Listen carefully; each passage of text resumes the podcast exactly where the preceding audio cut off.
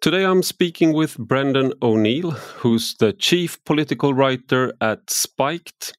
And uh, he was the editor at large there for 15 years between 2007 and 2021. And he also hosts a weekly podcast called The Brendan O'Neill Show, which I highly recommend. And he's also an author. And his latest book is called A Heretic's Manifesto. And it's a great book. And it's about what what one could call the the great awakening or the uh, the political correctness of our time, and it concerns all those issues that are central to what is called the culture wars. And uh, Brendan is one of those few people who can approach serious subjects, but still with good humor. So don't be surprised if you laugh when you read it. And today we mainly focus on the issues concerning the trans, sex, gender, and uh, Islamo censorship, white shame, the race issue, and uh, also freedom of speech and freedom of opinion, and why that is central to an enlightened democracy. And Brendan makes a very strong case, and going back historically with historical examples and parallels for why that is. So I highly recommend the book and I hope you enjoy the interview. You're listening to Rak Höger with me, Ivar Arpi.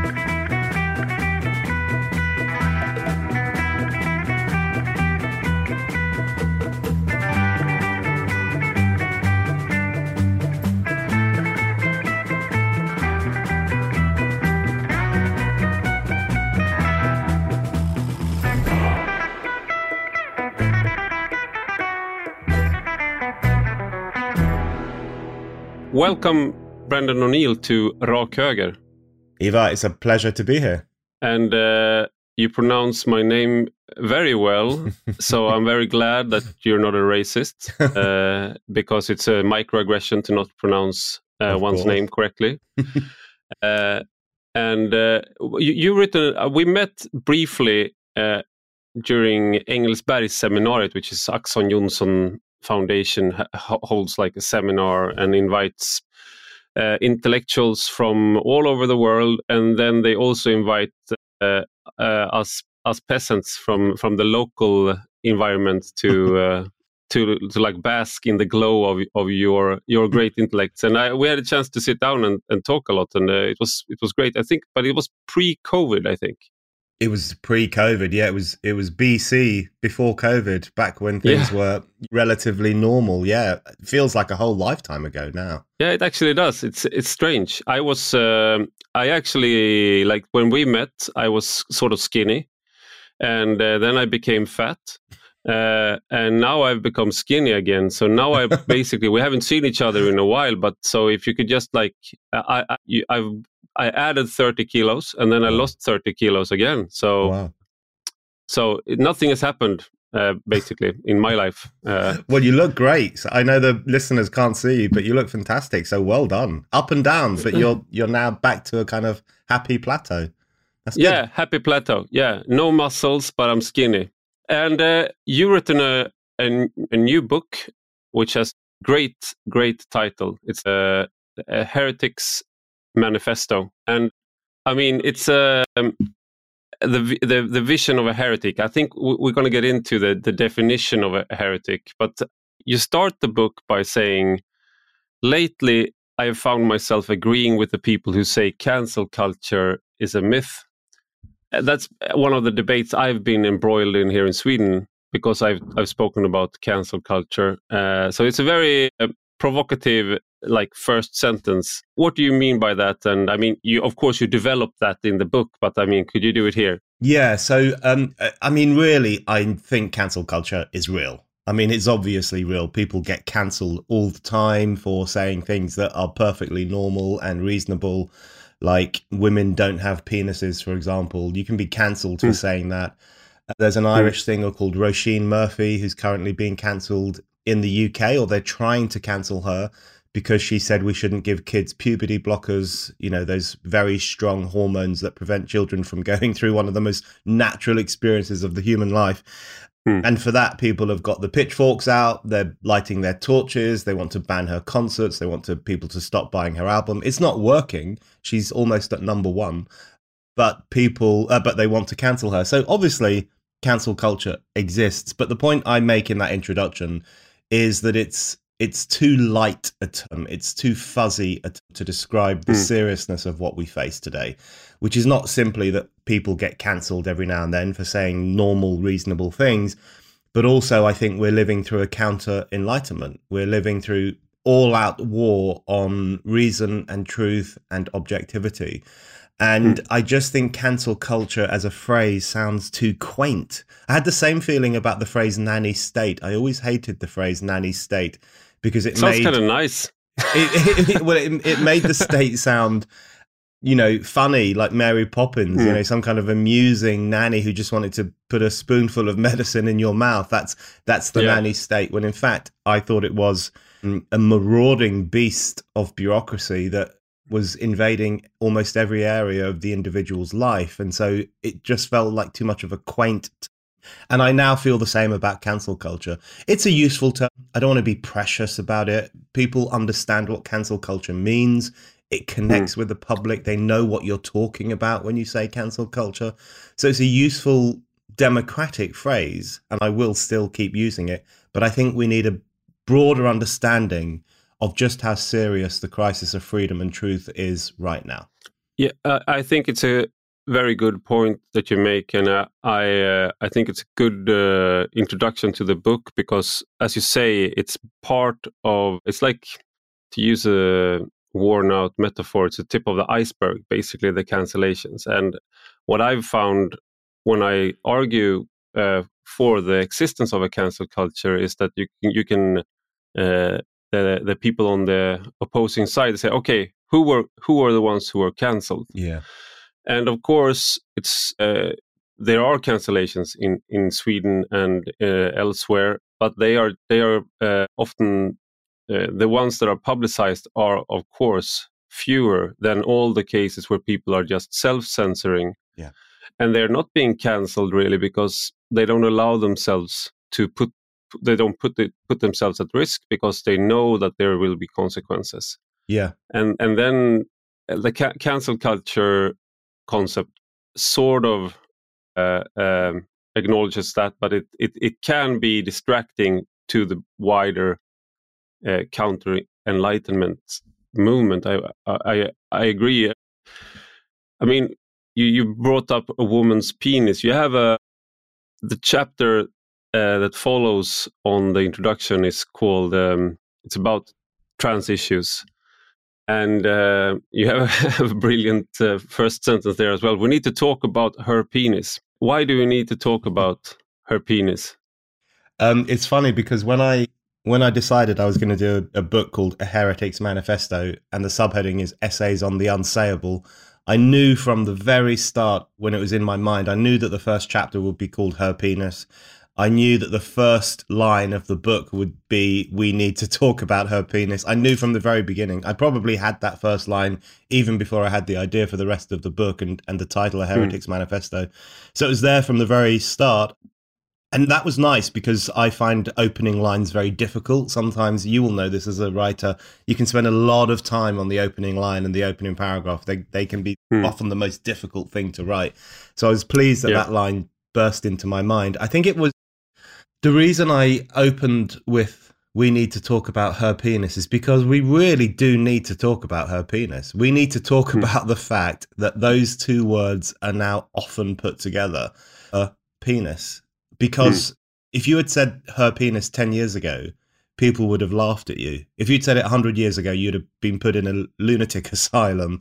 You know, so I'm interested in how it became an acceptable phrase. I'm interested in how language is altered and engineered in order to, as I make the case in the book, in order to engineer thought. And I think her penis is such a perfect example of that. The fact that you will see that term, her penis, not only in trans propaganda and trans literature, but on the BBC in the Times mm. newspaper, the newspaper of record here in the UK. You see it in courts of law. There have been court cases in Britain, one including a man who identifies as a woman who was accused of rape and found guilty of rape. And in the court of law, they said she took out a penis. That's what they say about this male rapist. This is a court where you are where everyone swears to tell the truth, and yet they are lying. They are saying that this man is a woman, and they're saying that her penis is. They're saying her penis. So I'm hmm. interested in the way in which, right at the very top of our society, people will say her penis. I think it's indicative of the speed and tyranny with which language can be changed in order to serve an ideological agenda. In this case, the ideological agenda of transgenderism, the idea that there's no such thing as sex, that sex is fluid, that you can change sex. Mm, I quote George Orwell quite a lot in the book because one of his great concerns, which was the key concern of 1984, is that control of language is usually designed to control thought and to control how we conceive of ourselves and how we conceive of our place in the world. And I think mm. the trans issue is a perfect example of that right now. And you bring up in the book you uh, what's happening in in 1984. One of the Winston, the the main character, his job is to rewrite uh, past news articles to be more in line with the current propaganda. And you you make an, uh, a comparison with how you I forget now in which country it is, but you can change uh, your the record of your the the sex that you were born you were born with, so that you actually change history. Uh, like yeah. if you search the archives, you're not going to find the truth. You're going to find uh, because you, re- you, sort of you um, airbrush the history then, and uh, then you get, of course, it, it, it in an uh, equality sense, it's great. You're going to have more female rapists uh, so it's a yay for equality. Yeah. Uh, uh, but uh, it's sort of um, it's a great comparison. Yeah, it's that country is Ireland. I'm speaking to you from Ireland now, as it happens, mm. and in Ireland has been completely colonized by the trans ideology. It's extraordinary. Ireland has become one of the most woke states in Western Europe. It's like it's gone from being a Catholic country to a woke country from one religion to another. And in fact, both of those religions mm. treated women very badly. Catholic Ireland mm. notoriously treated women badly, and so does trans friendly Ireland as well. Um, it puts rapists in women's prisons, which is a threat, obviously, to women's safety. And it um, does various other things as well. So, yeah, I'm speaking to you from Ireland, and Ireland is the country in which you can now change your birth certificate to reflect your supposed new sex or the sex mm. that people fantasize that they are. And that that is the falsification of a, a historical document. Because, you know, when that nurse said in 1985 or whenever the person was born, this is a boy, she was telling the truth. And when the registrar logged it on that piece of paper, this is a boy and he was born on such and such a date and these are his parents. He was telling the truth. He was writing down a factual truth that is important for society to know. It's important to know who's being born, how many boys are being born, how many girls are being born. This is incredibly important information. Mm. But you can now go back in time and falsify your birth certificate so that it will say a girl was born on that day and her parents, her birth date, etc., etc.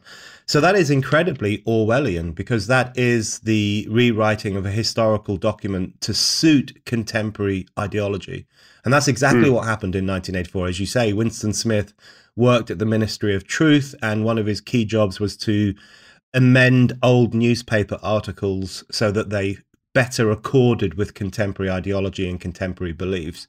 And that's happening as well Another example I give in my book is of a story that appeared in the New York Times a couple of years ago, and it was on the BBC as well here in the UK, about a woman in her 80s who murdered and decapitated another woman, a woman who was in her 60s. And I remember reading this thinking, that's very unusual. I don't think I've ever heard of a case of a woman in her 80s murdering and decapitating someone. I can't it's ever a lot of energy. anything. I mean, it's sort of impressive. Like she's uh, she's not go- going quietly into the that good night. I mean, she's uh, have enough energy to commit a murder. That's uh, I mean, it takes a lot of effort also to cut someone's head off. It's Right. uh, yeah. This is a this is clearly a big, strong, eighty-five-year-old woman. You know who who knew that they had it in them. Of course, you get halfway Yeah. through the New York Times article, and it says it's a trans person, i.e., it's a man. You get to the Mm. very last line of the BBC article. The very last line. Not everyone makes it to the last line of a news article. They read the first couple of paragraphs and then they move on. The very last line of the BBC article said this is a trans identifying person, i.e., it's a man. Mm. So they're lying to us. The, the, the Yeah. mainstream media is lying to us. It is not true that a woman in her 80s murdered and decapitated another woman. It's not true. It's false. Mm. So when they feel that they can openly lie to us, when they feel that they can rewrite stories and history to suit ideological purposes, that's when we know that we're entering into something very like tyranny. And that's that's almost the high point of tyranny, the reordering of facts to suit the agenda of the elites. That is the definition of tyranny, I would say. So we're entering into that world, and that's why I think it's a it's a serious moment for all of us. You quote the comedian Stewart Lee about political correctness, uh, which is also very contested term, and it's not as widely used as it as it was. But he called it um, institutionalized uh, politeness, and uh, that's also like the, you you can see people who are uh, proud to say that they are politically correct, and why is, is is Stewart Lee wrong that it's institutionalized politeness and uh, should should why are people some people are uh, they either they oppose the term or some people wear it proudly on their on their jacket so to speak. Yeah, I think he's completely wrong to call it political correctness, institutionalized politeness. I should say I'm very much in favor of politeness. I think being polite is very important, especially with kids. I love it when kids are polite. I always think they've got good parents. If you've got if Mm. you see a kid saying thank you, sorry, yes, I think that's that's a good sign. Shows they're being socialized in the right way. So I like politeness. It's a nice thing. But the question I always ask myself is since when did politeness involve saying things you know not to be true? Since when did politeness mean saying her penis or hmm. saying that the person who raped that woman is a, is also a woman, literally a hmm. woman? You know, since when did politeness mean repeating mantras like trans women are women, which many of us simply do not believe? Mm, hmm. you know, you wouldn't go out there and stand in the streets and say Muhammad flew to heaven on a winged horse because it's Mm. not true. Mm, I wouldn't, personally speaking, stand in the middle of the street and say Jesus Christ walked on water because I don't think that's true. And I say that as a former Roman Catholic, but a lapsed one, so I don't believe it's true. And similarly, I'm not going to stand on the streets and say trans women are win- women because that's also a religious idea that has no basis in fact. And the fact that it's been turned into a mantra that you're supposed to repeat, almost like a Hare Krishna chant, I think is proof of its religious undertones. So politeness should not entail um, lying to oneself or lying to society. And politeness certainly should not entail feeling extraordinary pressure to say the right things or else you'll be cancelled. That's not politeness, that's pressure. It's institutionalized press- pressure on people to, to, to believe and say the right things as as decided by the rulers of society. You said earlier on a really important point about cancel culture, which is that its chief accomplishment is is its trickle down effect on society more broadly. So there are lots of people out there who don't get cancelled because they're not saying the thing that you're not supposed to say, because Mm. cancel culture has uh, has sent them a warning. And I think you know if you look at the big names like J.K. Rowling, for example, they will often say, "Well, she's not been cancelled. She's still earning loads of money. She's still writing her novels. She's still on Twitter." And I always think two things about that. First, I think there's an element of regret in these people's voices. They can't believe they haven't successfully destroyed this woman's life. They're so angry yeah. that they haven't successfully burnt the witch. So there's an element of regret when they say she hasn't been cancelled. But also, they're looking at it the wrong way. Their persecution of someone like J.K. Rowling sends a message to society more broadly. It says to women in particular on this issue, it says, listen, if even a billionaire important cultural figure can be harassed and threatened and, and told to suck my cock and threatened with rape and death almost every day for mm. expressing biological facts. Imagine what could happen to you. Imagine yeah. what we could do to you. The the lowly woman who's just a receptionist or who works in mm. a hmm. local supermarket or who's just a stay-at-home mum. Imagine what we could do to you if you go online and say women don't have penises. So it's a it's a hmm. warning to society more broadly. And the point I would make, so I think you're you're completely right what cancel culture does. And to call that politeness, I just think is another Orwellian disguise for what is actually very, very authoritarian. And when it comes to J.K. Rowling, I would say that you can argue that she has indeed been cancelled. Because, I mean, they had like the reunion of all the actors in the Harry yeah. Potter movies.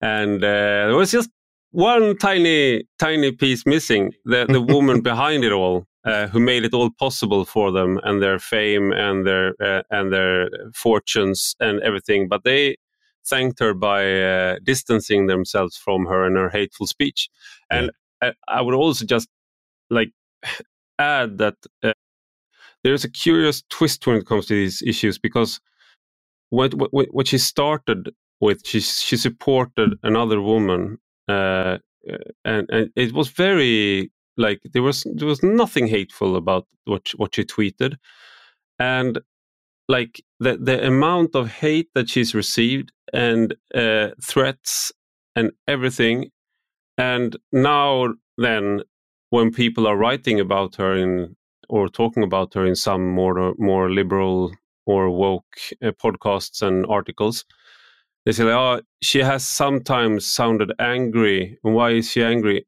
And that's like that's three years in or four years in. That's that's what happens to you if you get so threatened and you get so abused as she has been. Will you, at one point or another, become a little bit angry as well? Yeah. Uh, so you you demand nothing of restraint from the activists who are harassing and are hectoring her and threatening her. You demand nothing from them or for the people who are calling for her cancellation, but you demand from her uh, the patience of an angel. Yeah. Uh, and if she strays, if she's strayed, I mean, I I have not followed her like so closely, but if she strayed and sounded angry or even like something something uh, worth vengeful in one tweet or something then then that in this in this line of thinking that sort of uh, legitimizes uh, retroactively yeah. all the threats and all the calls for cancellations uh, and and this is sort of a dyna- I, I want to want to hear your opinion on on that as well like this dynamic that if you're criticizing uh, in, on these issues uh, it seems like it's very hard to you can be right in the beginning but if you some if you like further down the road sort of sounded angry or you you lose your patience then you're out. Yeah. and the people on the other side they can basically harass, harass and this is not really a question this is sort of a, an observation but what do you think? Yeah. I think it's I think it's a good one, and I think, uh, yeah, they really hate apostates more than anything. Anyone who m- might have gone along with the trans idea, just to take that example again, but then who starts thinks who thinks it's going too far, or who starts to deviate from it in some way, they hate those people more than anyone. They will just be instantly cast out. And the thing about someone like J.K. Rowling is that she's been, you know, she's been a fairly predictable liberal for a very long time she's got all the views you would expect uh, a wealthy member of the liberal elite to have. So, for example, on Brexit, she was very, very anti Brexit. Hmm. She was very much in favour of Remain, and she was a part of that what we call Remoaners, you know, because they they moan so much about Brexit, we call them Remoaners. She was one of hmm. those mm. after 2006, after the referendum. So I would have been completely on the opposite side of her on that issue because I was I was in favour of Brexit. I was in favour of us leaving the European Union. Mm. So she had all on this issue. She just felt she couldn't go along with this aspect of of liberal thought, supposedly liberal thought because of the consequences it would have for women. And instantly, she went from being a darling of the kind of leftish elites, a darling of the kind of bourgeois opinion forming classes, into being this satanic figure who had to be demonized all the time. It's an extraordinary shift. You know, you will just be instantly demonized as soon as you deviate from any aspect of their ideology. But I think um, it's interesting that she uh, you're right. You know, if any any questioning from her side, if she does a tweet saying, I don't think men can be women, she's instantly accused of hate speech. She's a bigot. She's mm. a transphobe. But the other side, who are saying to her, suck my girl dick, or I'm going to kill you, you fucking bitch. I mean, she gets things like that all the time. Someone posted a, a photograph of a bomb next to her home address on Twitter. Mm. And when she expressed solidarity with Salman Rushdie when he was stabbed by an Islamist last year, mm. someone in response to her tweet, someone said, "Don't worry, you're next." You know, this is a mm. daily phenomenon for her, and yet she's the one accused of hate speech, even though actually she's the one suffering from hate speech every single day.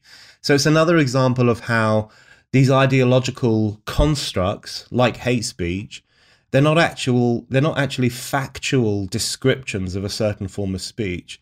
They're ideological weapons that are used against people who hold the wrong opinions.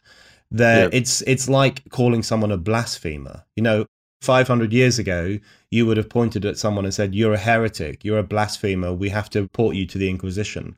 Now what mm. you hmm. say is you're guilty of hate speech. You're a phobe. You're a transphobe. You're an islamophobe. You're a homophobe. We have this new in the book, I call it a, new, a whole new grammar of censorship that is designed to demonize perfectly legitimate moral and political beliefs. So I find it, and there is a chapter in the book on hate speech, and I find it so fascinating that the people accused of hate speech are the people who are expressing reasonable, calm opinions, whereas the frothing mob of cancel culture is never referred to as hate speech, even though it is quite clearly hateful speech that is being used against wrong thinkers. Hmm.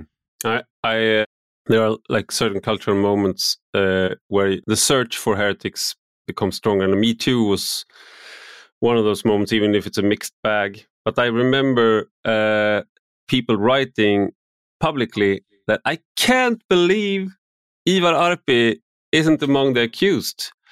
I mean, look at him. Look wow. at his views. I mean, he must. There must be something. Let's get this motherfucker. Wow. and people were really trying. Uh, and it's. Uh, I mean, I, I felt like uh, you heard that quote. I don't get. I don't mind being called a Nazi because nobody has sexual fantasies of being ravaged by a liberal.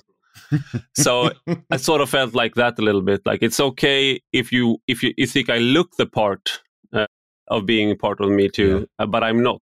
Uh, but it, just like yeah. the the search, and you feel like now now it's time to to mm-hmm. uh, get out all the political opponents. Let's get let's do away with mm-hmm. the resistance.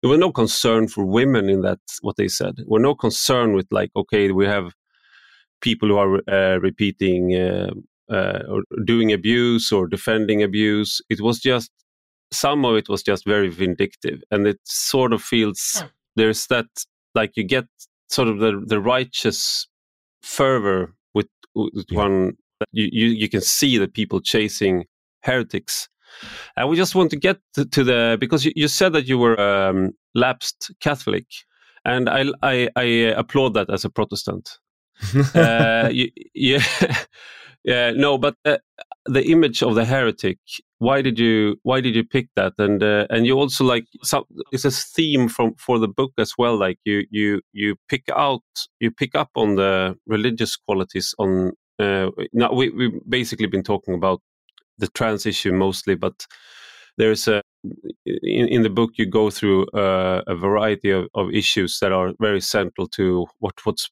what you can call the culture war or the the mm. the, the, woke the awakening and but why why do you why did you pick uh, a heretic as a as a symbol um, well, it, that's a good question. You know, heretic is a very grand term in some ways. You know, you have to be a bit arrogant to call yourself a heretic to put yourself in the line of, you know, all those great heroes of history who got burnt at the stake simply for yeah. translating yeah, the Bible. You should, you should, you should have called it the arrogant manifesto. Exactly. That's what I should have done. So it's it's it's it's a very grand title to take on oneself. But I think one of the reasons I did it is I really don't like the contrarian. I get called a contrarian all the time. I'm sure you do as well. If they if they have a similar term in in Sweden, I don't like it. I've never liked it. I mean, I don't hate. I'm not. I don't lose any sleep over it. It's not as if I feel insulted, but I just the thing I don't like about the term contrarian is that it makes it sound like you're only saying something to get on people's nerves you're mm. only writing this column or you're only saying this thing on TV because you want to irritate you want to own the liberals you want to irritate the chattering classes you know mm. contrarian suggests a kind of a slightly mechanical judgment about what will irritate people and for me that's not the case. Of course we all of us might style we might have a certain writing style that is designed to be confrontational and designed to be argumentative. People often say my writing style is very acerbic it's it's quite direct so that's true. But everything i write i completely believe. I've never once written anything that i didn't in that moment believe completely and if other people think it's contrarianism that's on them rather than on me so i hate the term contrarian but i love the term heretic because I do think one of the points I make in my book is that pretty much every freedom and comfort and piece of knowledge we enjoy today is a gift of heresy. It is a gift from people in the past who were willing to think in a heretical fashion and who even put their lives on the line. And I tell the story of some of those people in the book, especially in the last chapter, William Tyndale is one of my heroes. You mentioned being a Protestant, so you'll be very fond of William Tyndale. He was an early zealous Protestant reformer in England in the 50, early 1500s who committed the grave offense of translating the Bible into English, which was an offense punishable by death. You know, the hmm. Bible was only supposed to be in Latin because it was only the clever priestly classes who were allowed to read it. The plebs weren't allowed to look at it themselves. And he said, "No, no, I trust ordinary people. I think they can they can have the Bible. They're sensible. They know what they're doing." So that was a seen as a threat that's to the hate, entire. That's hate, that's hate, speech, I would say. Yeah, he, that's right. I, he he should he should be cancelled. That's exactly yeah, exactly is exactly what the church said.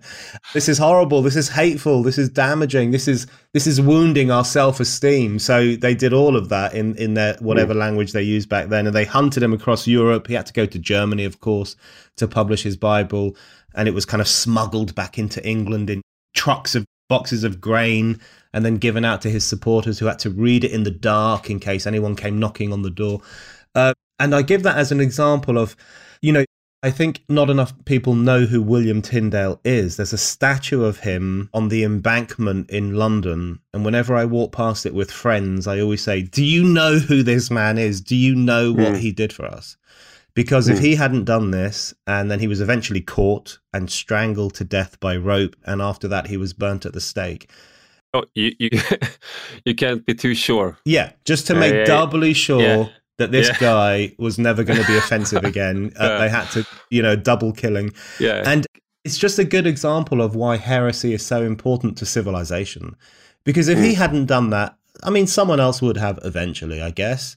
But when he did that, it changed everything because not only did it piss off the church and cause lots of conflict, but it gave rise to the idea that people should be able to read and judge things for themselves. I mean, as you mm. will know from uh, the history of Protestantism, it is in many ways the, the birth of freedom of conscience, the beginning points of the freedom of the mind, at least. Freedom of speech tends to come a little bit later, but the freedom of the mind and freedom of conscience. And if they hadn't done that, if they hadn't risked their lives, if they haven't died for those things, we would not enjoy all the freedoms that we do today. So that's that's why I use the term heretic because heretics are so important to the progress of society, and that's why I think mm. we need more of them right now. I, I would also Tyndale is a minor character in uh, the amazing trilogy by Hilary Mantel, the late Hilary Mantel, Wolf Hall, and the main character Cromwell. He's uh, he, one of the stories storylines is uh, of his Protestantism, and it's uh, of course before the Reformation. So if if one wants to, I really highly recommend those books, and it's a very interesting like storyline of to follow along in the religious context, like yeah, uh, the, the conflict within the within the church and uh, everything. And but yeah. I would say also that the heretic, as you say, I, w- I was going to bring up the contrarian term because it's it implies uh, immaturity. I mean, it's uh, like the kids' game. Like when you just yeah. one is like you only you repeat what uh, my kids are. Uh, my oldest kids are doing this to me now. Uh, they're six and eight, and like sometimes they just get in the head they're going to repeat what we say to them, and it's super annoying. Uh, and one is to just say the opposite. Like I, yeah. I, am the opposite. I'm the opposite. Like it's so it's very stupid. But all but what you what you bring out with your examples, and I really appreciate this in the book with your historical examples, is that there wasn't like a immaturity or a sort of a puber- puberty thing, like you said, something that the church didn't agree with. It, it was a, as with the case with Immanuel Kant and many others. Some of them weren't labeled heretics, but they had a sincere search for truth and in in if you're lucky in some periods of time that will not land you in a position of heresy i mm. mean you can actually be lucky and, and sometimes live in a time where the pursuit of truth and uh, the moral good and being in line with like you, you feel like you are actually in line with uh, sort of the society but many times if you are earnest in your search for truth as you show in the book you will uh, sooner or later, or you might risk being labeled a heretic.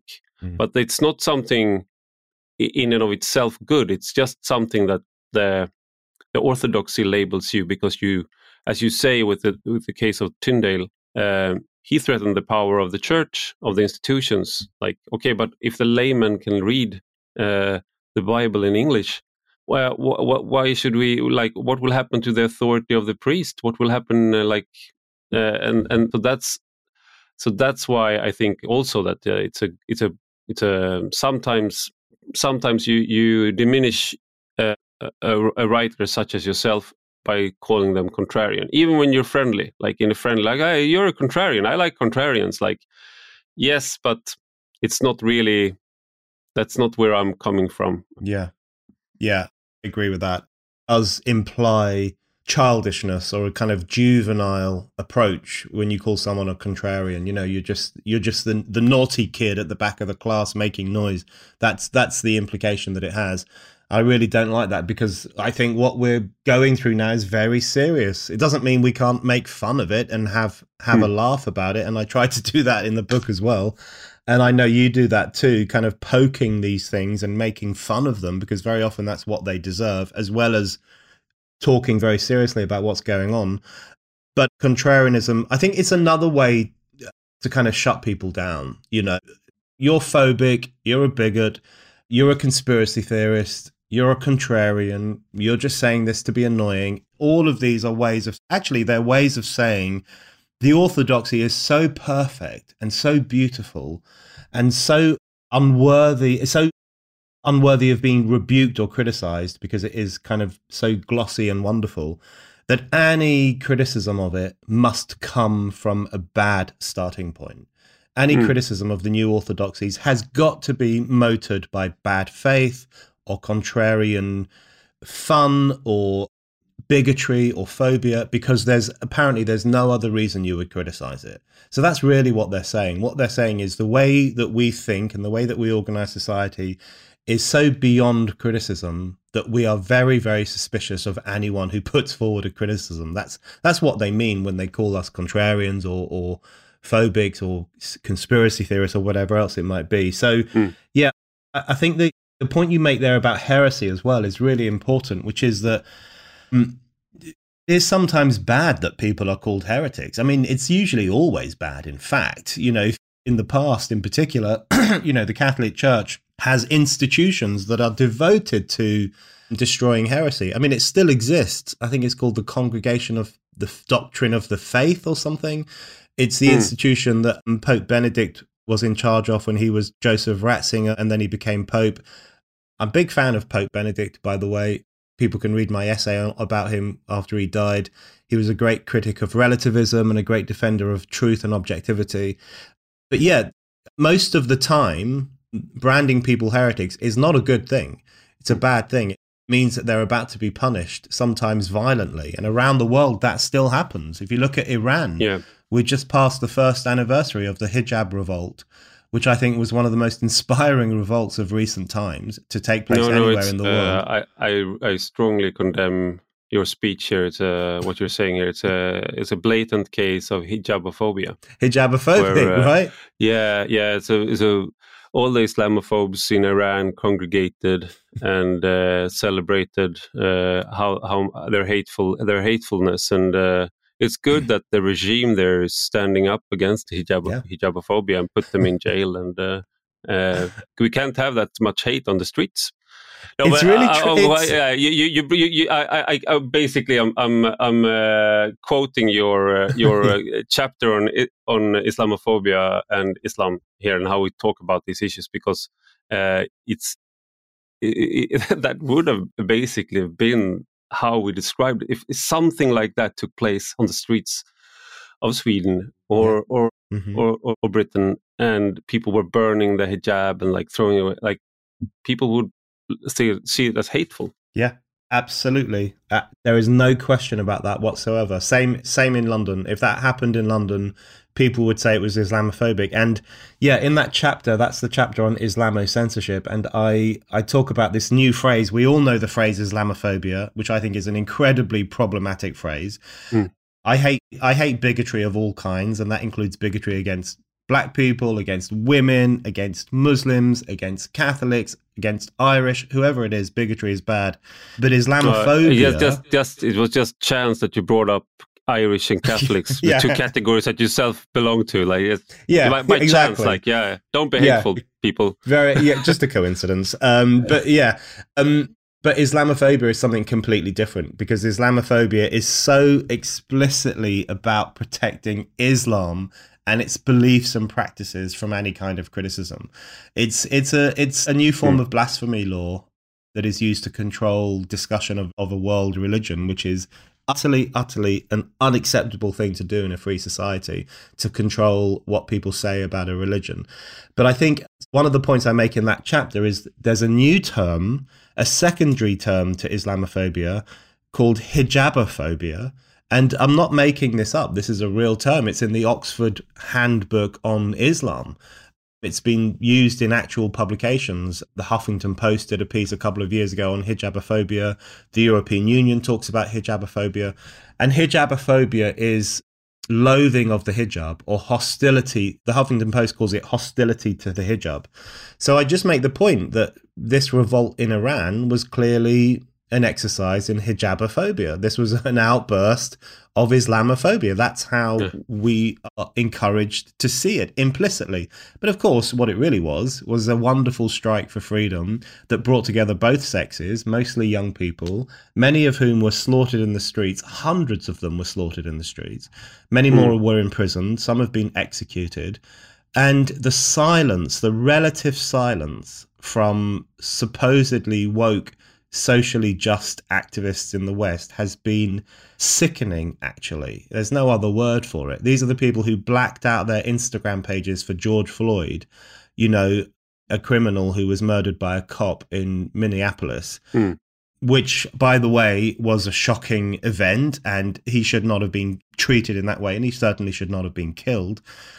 But they blacked out their pages for him. They went on marches for him all the big businesses in the world issued statements about white supremacy. You had bankers and politicians taking the knee, and footballers in England are still taking the knee for George Floyd, who died, what, three years ago in, in 4,000 miles away. They didn't say a word for the hundreds of women and men who were killed by cops in Iran. Not a word. Mm. No big business has said anything. I don't see anyone blacking out their Instagram pages. There haven't been marches. You know, do Iranian lives matter? Apparently not. Do women's lives matter? It seems they don't. So the hypocrisy is astonishing. And that, I think, is a good sign of where censorship gets you. Because we've had a culture of censorship around Islam in Western Europe for the past 20 or 30 years and it's frazzled people's minds. You think about the young generation in particular, the ones who are on social media making all their woke statements, you know, 17, 18, 19 year olds.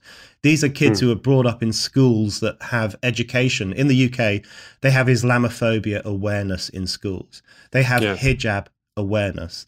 These are kids who will have been brought up to, to watching celebrities saying, you know, we love the hijab, hmm. all of that. And so actually makes it impossible for them to say anything about the Iranian revolt. They are lost for words. There is nothing they can say which won't break the rules of Islamophobia. There is nothing that you can. It's very hard to be positive about the revolt in Iran without breaking the speech codes of Islamophobia. So censorship excuse my language, it fucks up everything, including mm. people's own minds, because they are unable to appreciate a revolt for freedom because their minds have been frazzled into thinking that it's it's phobic and prejudiced. So, it, Islamophobia is such a dangerous idea, and it's one that really needs to be cha- challenged. We had um, uh, an incident. Um, incident is the wrong word. We, we're, we're living through a period in Sweden where we like we're we're, we're trying to join NATO and yeah. uh, Turkey, not Turkey, Turkey. They uh, they are uh, blocking us, and they because they want us to basically bend the knee in in a low different kinds of ways, and uh, we have a lot of a, a, a large Kurdish minority, and of course the Turkish regime uh, are fighting with the PKK, and yeah. So, uh, in, in, in, any case, we had we have a, like our our prime minister and the the government and the opposition are agreeing that this is the worst security situation for Sweden since Second World War. But they're all, all, all, always like mixing. I mean, Russia, yes, but like now they're also talking about Islam and like Islamism and extremism. Like we're so dangerous because the embassy in Iraq was stormed.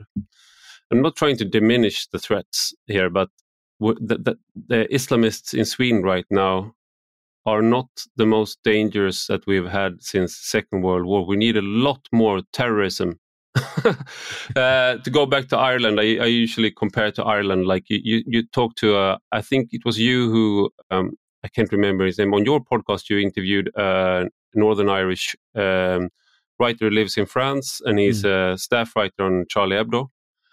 And he basically said that when he grew up in uh, in Belfast, I think it was like they heard a bomb go off, and it was like, ah, was that down on uh, on Queen Street or no? No, it's it's uh, further further down the road. Uh, back back to normal. I mean, it's it's an exaggeration, but that's what for for me that's like a, a, tough situation.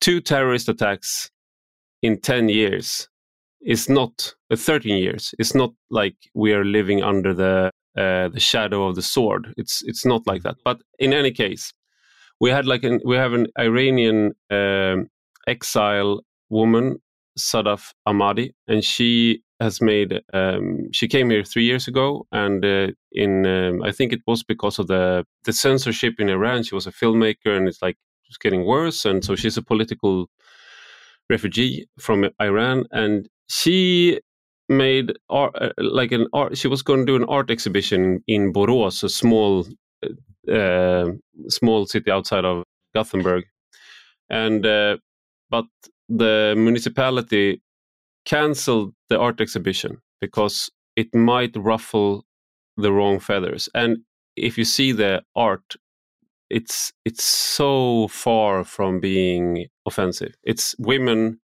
in uh, chador, I mean the Iranian uh, version of the hijab, in concrete, and you just see the face, and they're hanging from the ceiling. So the rope symbolizes they're trying to ascend, like spiritually, intellectually, but they're being dragged down by the uh, the chador.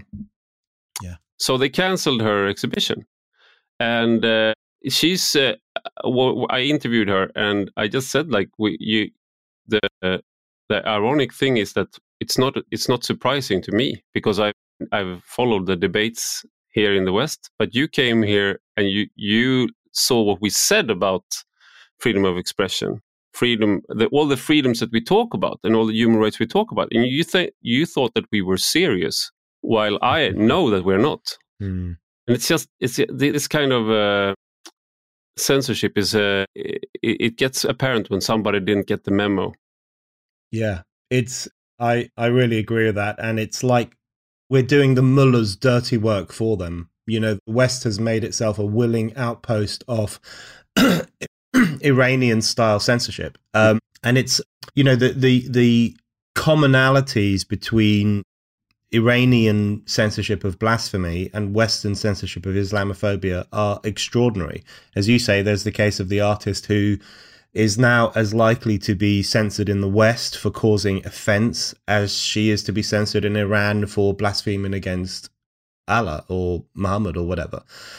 So it's it's the same thing. It's just different language. It's like uh, I make the point in, in that chapter on Islamo censorship. I make the point that there's a there's a gymnast in, in the UK called Louis Louis Smith, very well known sportsman, medal winner, etc he was suspended from his sport for two months, I think, because a video emerged in which he was saying something funny about Islam. He was drunk mm. at a hmm. party and he was saying, I'm going to pray to Allah because I want to get my 67 virgins. He meant 72. He got the number wrong. He meant he, you know, he wanted 72 women. He was drunk. He was making fun. He had or to maybe issue... he just he, he had to subtract five virgins because he knew that he was drunk. So like it's a yeah, punishment. Right. You only get you only get 67. Yeah, yeah. You have to have some taken away, and he had to issue a groveling public retraction I was reading his retraction, thinking, God, what century are we living in that someone has to issue hmm. a kind of re- uh, recant their blasphemous beliefs? And then he was suspended from his sport for two months. And then after that, he was uh, he started to receive death threats. He started to someone messaged him saying, "We're going to throw acid on you. We're going to murder you." And I remember making the point at the time that this is it's the same as what happens in Iran. It's the same thing. You know, if you can be, he's not going to be whipped in the public square. He's not going to be put in prison for five years, but he is being punished for criticizing Islam. So it's it's on the spectrum with what happens in Iran. So the fact that we've institutionalized this stuff is terrifying, and it seems to me that we've um, we've internalized the fatwa you know, if you look at the Salman Rushdie affair, when that fatwa was first introduced in 1989, after the book was published in 1988, lots of Western liberals were incredibly cowardly, refused to stand shoulder to shoulder with Salman Rushdie, and said he needs to shut up if he doesn't want to be attacked. But other people were shocked that a death threat could be issued against a writer in the 20th century. But what's happened since then is that the fatwa has won. It is now broadly accepted in polite society in the West, in Sweden, in the UK, even in parts of the United States. It's broadly accepted that it's wrong to criticize Islam, that some form of consequence must be visited upon people who criticize Islam, whether it's being blacklisted from a university campus or accused of Islamophobia or suspended from their job, or in the extreme versions, massacred in their offices. That's that's mm. what happened with Charlie Hebdo the fatwa has won. We now accept that there must be a punishing consequence for criticizing Islam. So it's very disturbing to me that over the past 30 years, the, the mullah's view of what you can say about Islam now has been elevated above Salman Rushdie's more liberal view. And that should give everyone pause for thought about what's gone wrong in our societies, I think.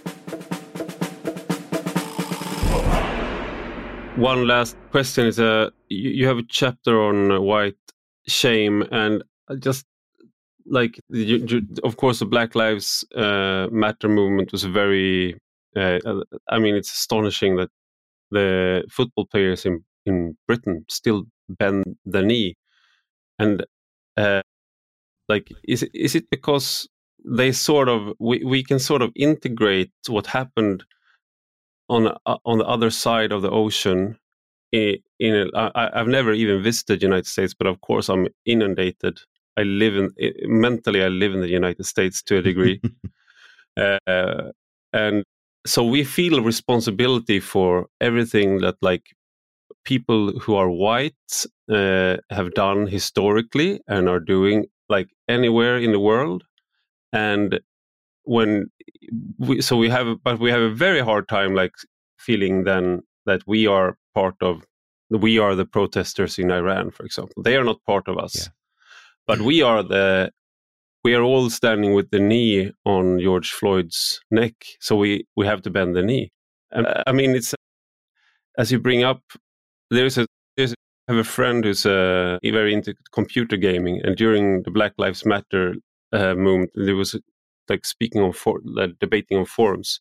And very soon like the the there were woke some forums were taken over by woke people and other people fled to other forums but like he tried he quoted martin luther king i think. And that was uh, basically uh, to, to label himself a, uh, a racist. Like like it was like everybody started laughing at him like oh don't bring up that that crap. Like you're racist. And yeah. it's sort of strange if you lived longer than five minutes to go from um, like because that was like that was anti-racism but now it's a very yeah. it's a shorthand for racism basically to be try to be colorblind or yeah it's really true and you make a really important point there about the question of why we can empathize with uh, African Americans who are suffering police brutality but we can't for Iranian young Iranian women and young Iranian men who are suffering police brutality. Uh, even though the African American in question here was a petty criminal, which, by the way, I don't think justifies any maltreatment at all. Whereas the men and women in Iran who've been killed in their hundreds are ordinary citizens asking for more freedom. It's such an interesting question. And I think one of the things is that you mentioned Black Lives Matter.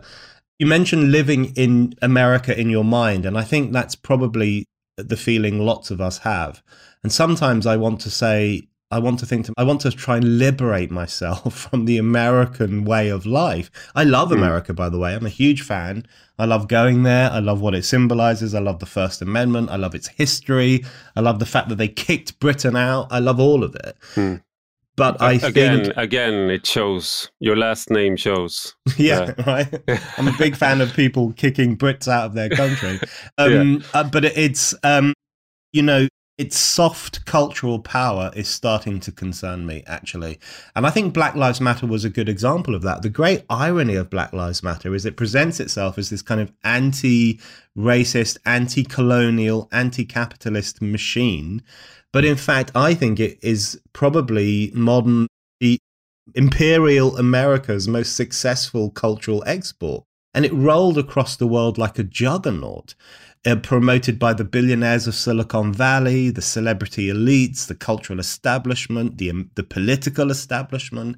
It rolled across the world to such an extent that the only way in which protesters in Belgium could express themselves for a period of time was through the slogan Black Lives Matter. There were protests in Belgium. Same in the UK. Same in Australia. In Australia, Aboriginal rights campaigners started to use the phrase Black Lives Matter. It's like this cultural export from America colonized whole countries and whole people's minds and people's way of thinking and, and everything. So it was yeah. it was a very successful export off one of the most poisonous aspects of modern America, which is identity politics. So I saw it as I saw it as identity politics conquest of the world. It was neo-colonial project dressed up as an anti-colonial movement. So I, I, found Black Lives Matter very worrying. And the fact that you still have people outside of the US taking the knee, really they're taking the knee to the new American religion of identity politics. That's what's yeah. happening. This is people bowing down to the to the empire of correct thought as defined by influential people on the west, on the east and west coasts of the United States. So I found I found that incredibly worrying, and I think if you know the fact that we can't offer solidarity to freedom fighters in Iran, but we can offer solidarity to uh, identitarian activists in America that really suggests that this movement, wokeness, social justice, whatever we're calling it, it's not really about freedom. It's not really about supporting oppressed peoples.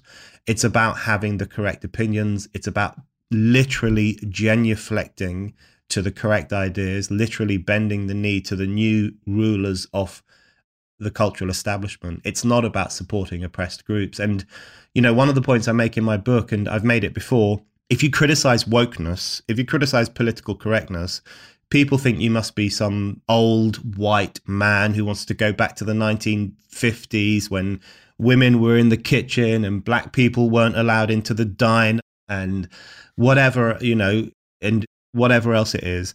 For me, it's the opposite all of, of all of that. I see wokeness primarily as a threat to the progressive steps forward that our society's made over the past 50 years.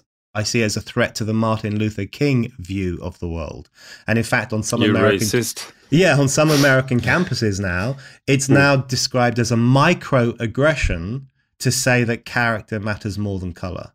So mm. we have the distinct possibility that if Martin Luther King was alive today, he would be no platformed from some American universities for elevating character over color. Because the argument you're supposed to make now is that one's racial experience is the most important thing about that person. So all of the positive, interesting, liberal steps forward that we've all benefited from are being undone by woke hysteria, by the re racialization of politics, the reintroduction of misogynistic thinking, the protection of religion from criticism. All of these regressive developments are harming freedom in our societies. And that's why I think we need more heretics to put their heads up and say, enough is enough. And this is a, I mean, this is a, like a central point in your book that I think is uh, not done often enough. And you, um, you quote uh, Kant, um, like in in his 1784 essay, "What is Enlightenment?" Uh, you write, he raged against those who would tell us what to think and how to exist. He complained of having a book that thinks for me, a pastor who acts as my con- conscience, a physician who prescribes my diet, all of which means I have no need to exert myself. These guardians, he said, treat us like cattle, making us view the step to maturity not only as hard, but also as extremely dangerous. The solution to such harmful meddling, ignore it. Walk firmly and cultivate your own mind, said Kant. Have the courage to use your own understanding. And this is like a central point. And I would just, I mean, I'm, I'm, I'm from a Protestant culture, so of course, uh, this is a point I would make that many of the Protestant didn't, view the Catholic Church only as another way to perceive God. They viewed it as the Church of Antichrist. This is a way stand. This is a church stands between you and God. This is a church church has been raised uh, to uh, enrich few, a few, and and to obscure the view. And if you, what you are saying and what Kant was saying is that, like, make up, make up your own, have the courage to make up your own mind, and uh, don't just bow down, take the knee to new orthodoxy. Mm. It's not that. I mean, like sometimes when you use the word not you but when one uses the word word religion it's like always bad mm. but it's it's not like that it's it's the blind faith yeah when you're not uh, you're not using your own mind and uh, like, like just trusting somebody else to do like deciding for you and you just go along with it and and and that's like that's why what i take away a lot of what i take away from your book like being a heretic is actually trusting your own eyes and daring to speak for yourself. Yeah, absolutely. Well, summed it better than I could. I think that's right. And I would encourage everyone to read What is Enlightenment by Kant. It's really short, it's like a little article. Kant can be very, very difficult to understand. Some of his books is like, oh my God, this is stressing out my brain. But what mm. is enlightenment is so simple and clear cut. It could be published in a newspaper today. I mean, it's extraordinary. He basically says he's sick of being having all these strings tied to him by people who think they know better than us what you should mm. eat, how you should think, how you should behave and he calls, as you say, he calls them guardians. Uh, you know, these guardians who want to lead you through life. And his point is, the more that you give into that, the more that you accept the right of these people to tell you what to do and what to think, the weaker your own moral muscles become. Because if you don't use, it's like your physical muscles. I think John Milton made this point. If you don't use your physical muscles, they go to waste.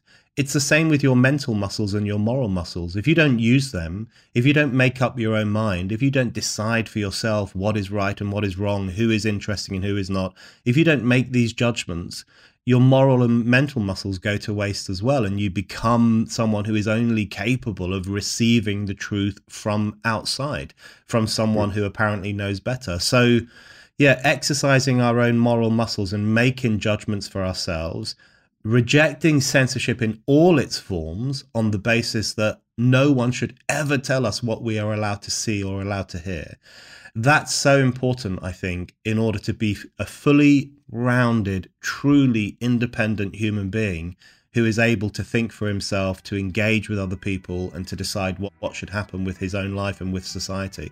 That's what I mean by a heretic. You know, stand on your own two feet and walk firmly and use your own moral reason.